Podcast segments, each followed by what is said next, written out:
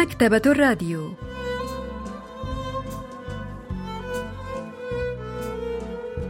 أهلا وسهلا بكم في حلقة جديدة من البرنامج الأسبوعي مكتبة الراديو الذي نستعرض من خلاله كتابا جديدا كل أسبوع.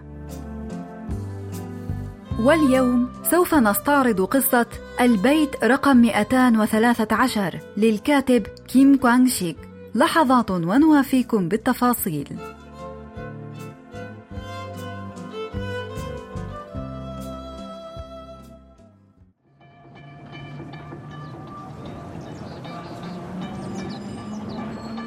شوارع سيول بعد الخامسة عصرا عندما ينصرف الناس عن أعمالهم.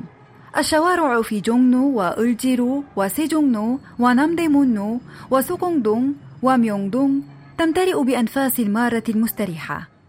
أحيانا يتأملون انعكاس وجوههم في وجهات المتاجر التي تعرض بضائع فاخرة. تحاول ألوان البضائع في الماركات الفاخرة أن تجذب المارة. لكنهم يمشون دون أن يلتفتوا إليها وكأنها مجرد لوحات ملونة. فبالنسبة لهؤلاء الذين لا تملأ رؤوسهم سوى التفكير في محاولات دعم أسرتهم الرغبة في امتلاك هذه الأشياء هي رفاهية لا يقدرون عليها. نشرت قصة البيت رقم 213 للكاتب كيم غوانغ شيك في عام 1956 وتدور أحداثها في سيول بعد انتهاء الحرب الأهلية الكورية بعدة سنوات.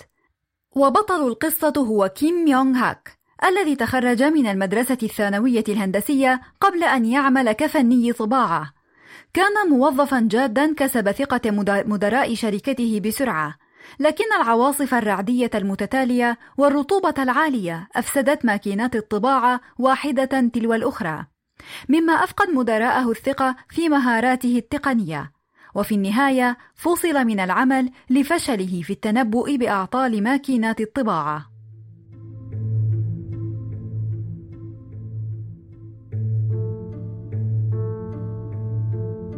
كتب ميونغ هاك خطاب الاستقالة ثم ذهب إلى المصنع ليلقي نظرة أخيرة على ماكينات الطباعة. من الماكينة رقم واحد إلى الماكينة رقم 32 كان يعرف عيوب كل ماكينة ونقاط الضعف فيها. كان كل تركيزه منصبا على الماكينات فلم ينتبه للعمال الآخرين الذين أتوا ليودعوه. وبينما راحت عيناه تطوف بالماكينات بدت له كوحوش تنظر إليه بعيون غاضبة وتستعد للقفز عليه في أي لحظة. شعر بوحدة شديدة. شعر أن قلبه فارغ. كيف يمكن أن يشعر بهذه الوحدة لمجرد أنه سيفارق ماكينات الطباعة؟ كيف يمكن أن يدفعه الجو العدائي الساخر غير المبالي السائد في المصنع إلى الشعور بالخواء هكذا؟ شعر بحاجة شديدة إلى ملء الخواء في قلبه وهو يسلم استقالته ويخرج من المصنع لكنه شعر بالخواء وانعدام الحيلة يسيطران عليه.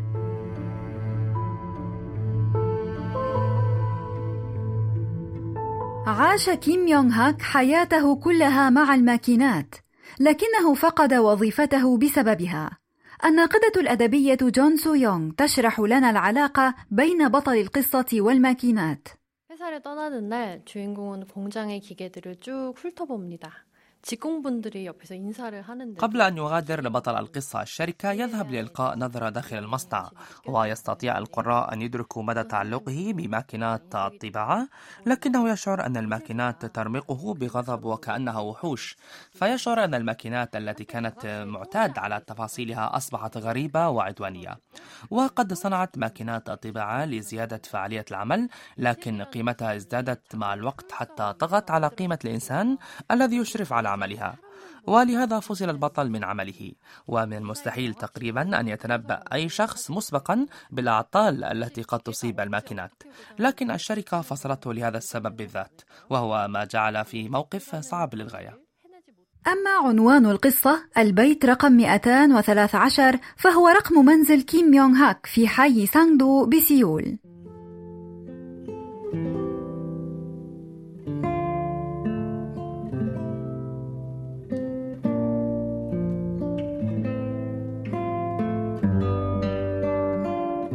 عندما تتجه جنوبا من محطة سيول إلى جسر هانغ كانغ ستجد شارعا به مرتفعات ممتدا باتجاه حي هيكسوك إلى اليسار.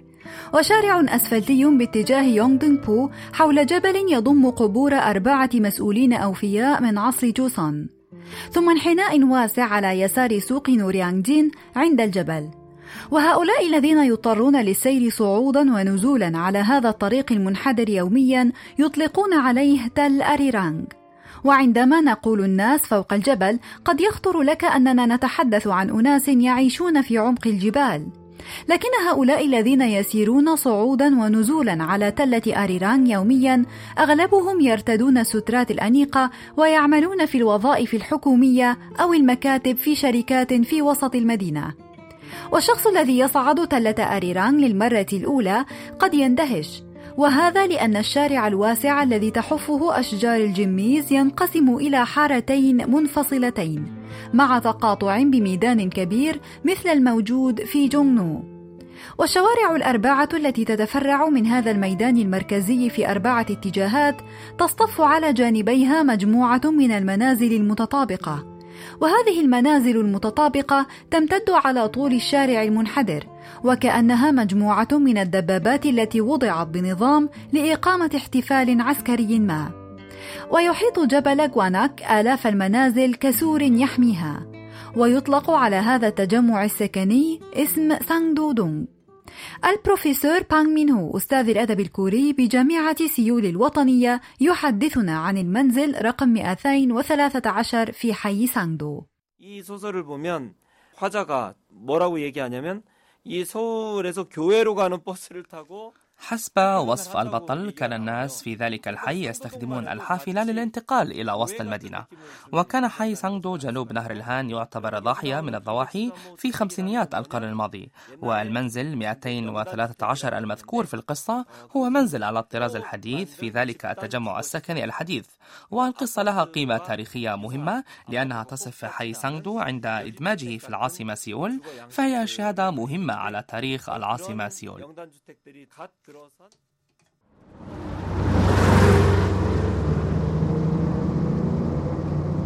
ورغم أنه فقد عمله ركب ميونغ هاك الحافلة المزدحمة كما يفعل دائما.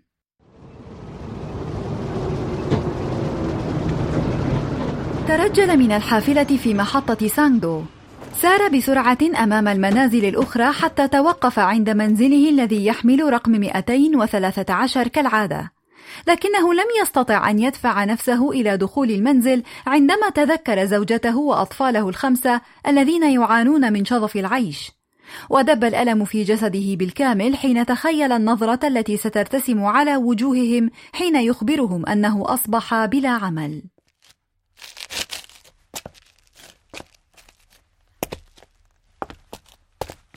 بدلا من دخول المنزل ذهب إلى أحد المتاجر حيث اشترى علبة من البسكويت وقرر ألا يخبر أسرته عن فصله من العمل. قال مرحبا يا أطفال لقد جاء والدكم. قال الأول أبي. وقال الثاني مرحبا أبي. وقال الثالث بسكويت لقد اشترى أبي علبة من البسكويت. وقال الرابع إنها لي اتركها.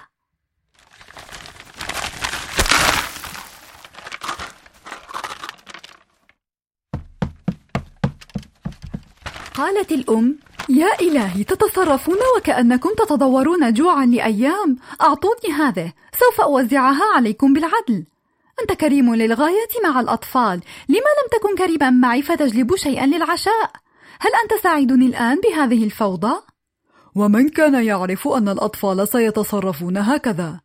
شعر ميونغ هاك بحزن مفاجئ حين رأى أطفاله يتشاجرون على علبة من البسكويت.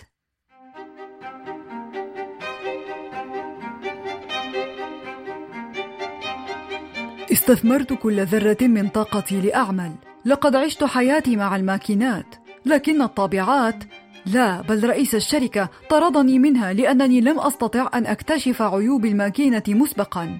التقنيون بشر والبشر ليسوا ماكينات تكتشف عيوب الآلات قبل وقوعها.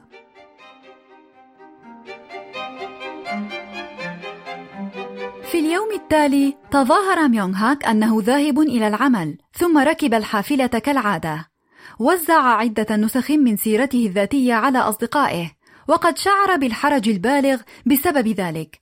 لكن لا خيار لديه لأنه يجب أن يجد أي طريقة لتوفير مصاريف زوجته وأطفاله. بعد الظهيرة توجه إلى الشركة ليتسلم راتب الشهر ونهاية الخدمة ثم توقف عند أحد المقاهي ليشرب كوبا من القهوة ويسترخي قليلا. لكنه لم يكن يعرف إلى أين يجب أن يذهب بعد ذلك فراح يسير على غير هدى. وعندما وصل إلى ميونغ دونغ وجد نفسه وسط أمواج الزحام المعتادة.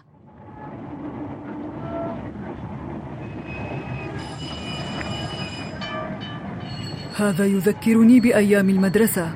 كان لدي الكثير من الأحلام وكان لدي حياة رائعة وقتها. في تلك الأمسية اجتمع كيم يونغ هاك بصديق المدرسة الثانوية أو هاك سام ليتناول الشراب معا. كان يريد أن يثمل تماما.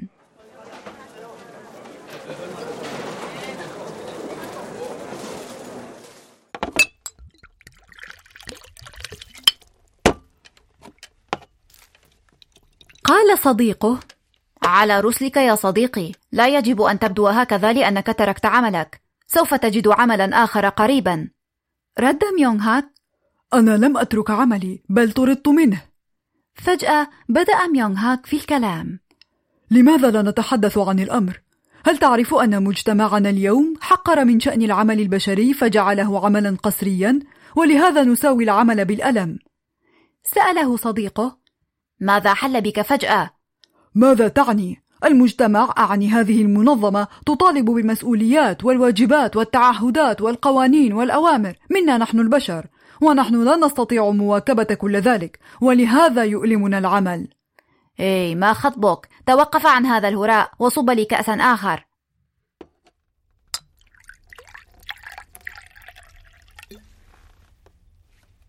قال ميونغ هاك اشرب هذا ورد علي. رد صديقه لا دعني أسألك هل كان هناك أي زمن لا يعد فيه العمل إجباريا بل تطوعيا؟ هل تظن أن زمنا كهذا قد يأتي أبدا؟ رد ميونغ هاك لا أدري بشأن التاريخ أو المستقبل كل ما أعرف هو أنني واظبت على مهماتي وواجباتي كتقني بكل جد لكنني طردت من الشركة لأنني لم أكتشف عطلا ما قبل أن يحدث وأنا لا أقرأ الطالع آه كيف يتوقعون مني أن أقرأ الطالع؟ رد صديقه لهذا يعتبر الرجل الحديث وحيدا سأله ميونغ هاك هل تحاول التخفيف عني عن طريق استخدام مفهوم الوحدة؟ أيها الأحمق كيف تجرؤ على هذا؟ قال صديقه هل تريد أن تكون حرا إذا؟ وما هي الحرية؟ كيف يستطيع مهندس تقني أن يبحث عن الحرية في مواجهة الماكينات؟ الحرية ليست ملاذا وليست الغاية المطلقة سأله ميونغ هاك هل تلقي علي محاضرة؟ فرد قائلا كلانا ثمل ولما وجد أن كلماتهما لا تردد إلا الفراغ ظل يشربان الخمر دون أن ينطقا بكلمة واحدة. ترك الحانة ومشي في شوارع ميونغ دونغ ثم توقف أمام حانة أخرى من أجل جولة ثانية من الشراب. عندما ترجل ميونغ هاك من الحافلة في محطة سانغدو كانت صافرة حظر التجوال قد انطلقت بالفعل. راح يتأمل الركاب الآخرين وهم يسارعون بالعودة إلى منازلهم. وأدرك أنه لا ينتمي لأي شركة يذهب إليها في الصباح التالي.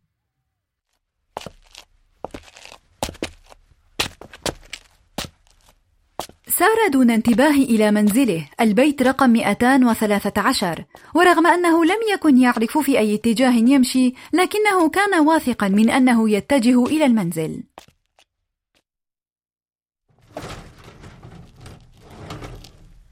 فتح الباب ودخل المنزل ظن أن الجميع نائمون رمى نعليه ثم فتح باب حجرة النوم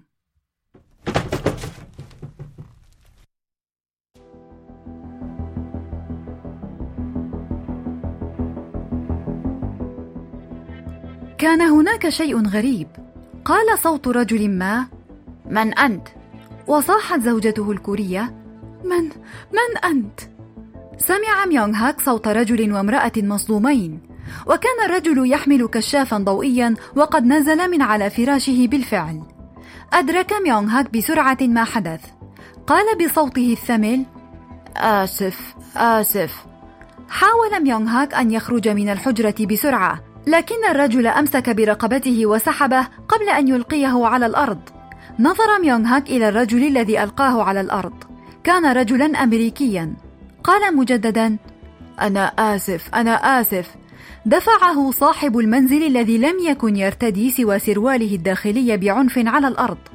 قال ميونغ هاك المحرج دون حتى أن يحاول النهوض من على الأرض. أنا آسف. كان صوته كصراخ باك. قال أنا آسف. لقد ثملت حتى أنني دخلت المنزل الخطأ دون أن أدري. أرجو أن تسامحني. أنا أسكن المنزل رقم 213 نظرت له المرأة بقسوة. كان ميونغ هاك قد أدرك كل شيء في هذه اللحظة.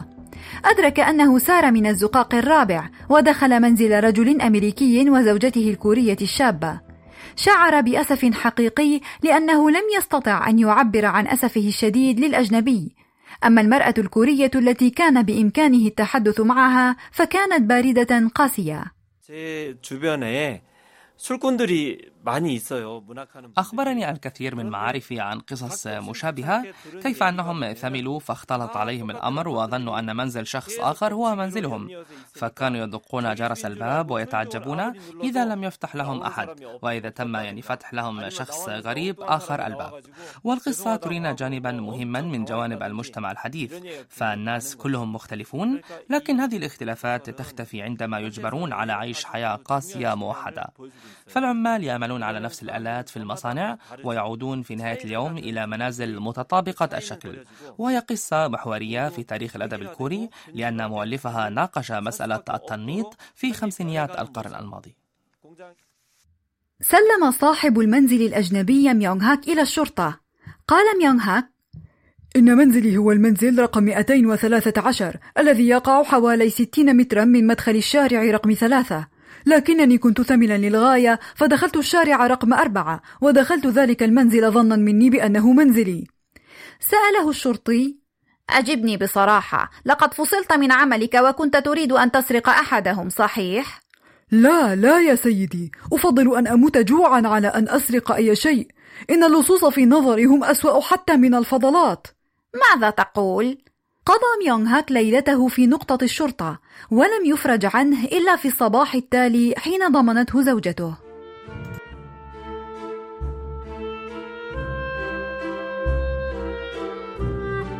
سار مغمض العينين ككفيف البصر في شارع رقم ثلاثة ولم يفتح عينيه إلا بعد أن سار ستين مترا. كان أمام منزله بلا شك خلع سترته بعد دخوله المنزل. ثم ذهب إلى المخزن كي يجلب مجرفة ثم حفر حفرة مكان كل خطوة خطاها من بداية الشارع وحتى باب المنزل سألته زوجته ماذا تفعل؟ وماذا تظنين أني أفعل؟ ذهب إلى المخزن ليجلب بعض قطع الطوب وراح يضع قطعتين من الطوب في كل حفرة وكأنها عتبات صغيرة ليخطو عليها في الشارع لم تستطع زوجته أن تفهم ما كان يفعله لكنها رأت أنه بدا حزينا للغاية. سألت عزيزي ماذا تفعل؟ هل فقدت عقلك؟ قال فقدت عقلي. أنا أفعل هذا لأحتفظ به. عندما أكمل عمله سار عليها لعدة مرات ثم أغمض عينيه قبل أن يسير عليها مجددا. ذهب إلى المطبخ وأخذ سكينا. حاولت زوجته أن تأخذ السكين منه لكنه دفعها جانبا وراح يحفر علامات صغيرة في مقبض الباب ثم أقفل عينيه قبل أن يلمس مقبض الباب ويفتحه. أخذ يكرر هذا لعدة مرات وراحت زوجته تبكي دموعا مفرطة في حزنها.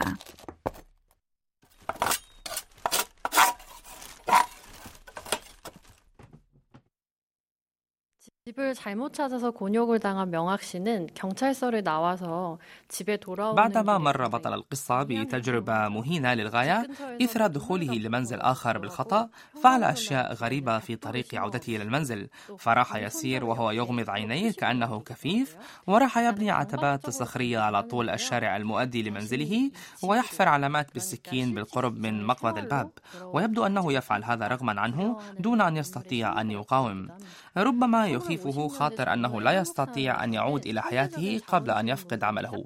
ففي الخمسينات من القرن الماضي كانت الرأسمالية الحديثة قد بدأت تمد جذورها في المجتمع الكوري وكان التصنيع واللجوء للآلات والماكينات بدلا من البشر لإدارة العمل قد بدأ بالفعل.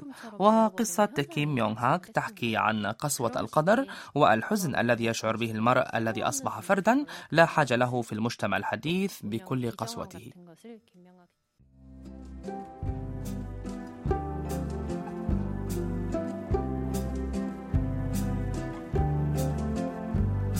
استعرضنا معا قصة البيت رقم 213 للكاتب كيم جوانغ شيك وإلى اللقاء في الأسبوع القادم مع كتاب جديد ومبدع جديد.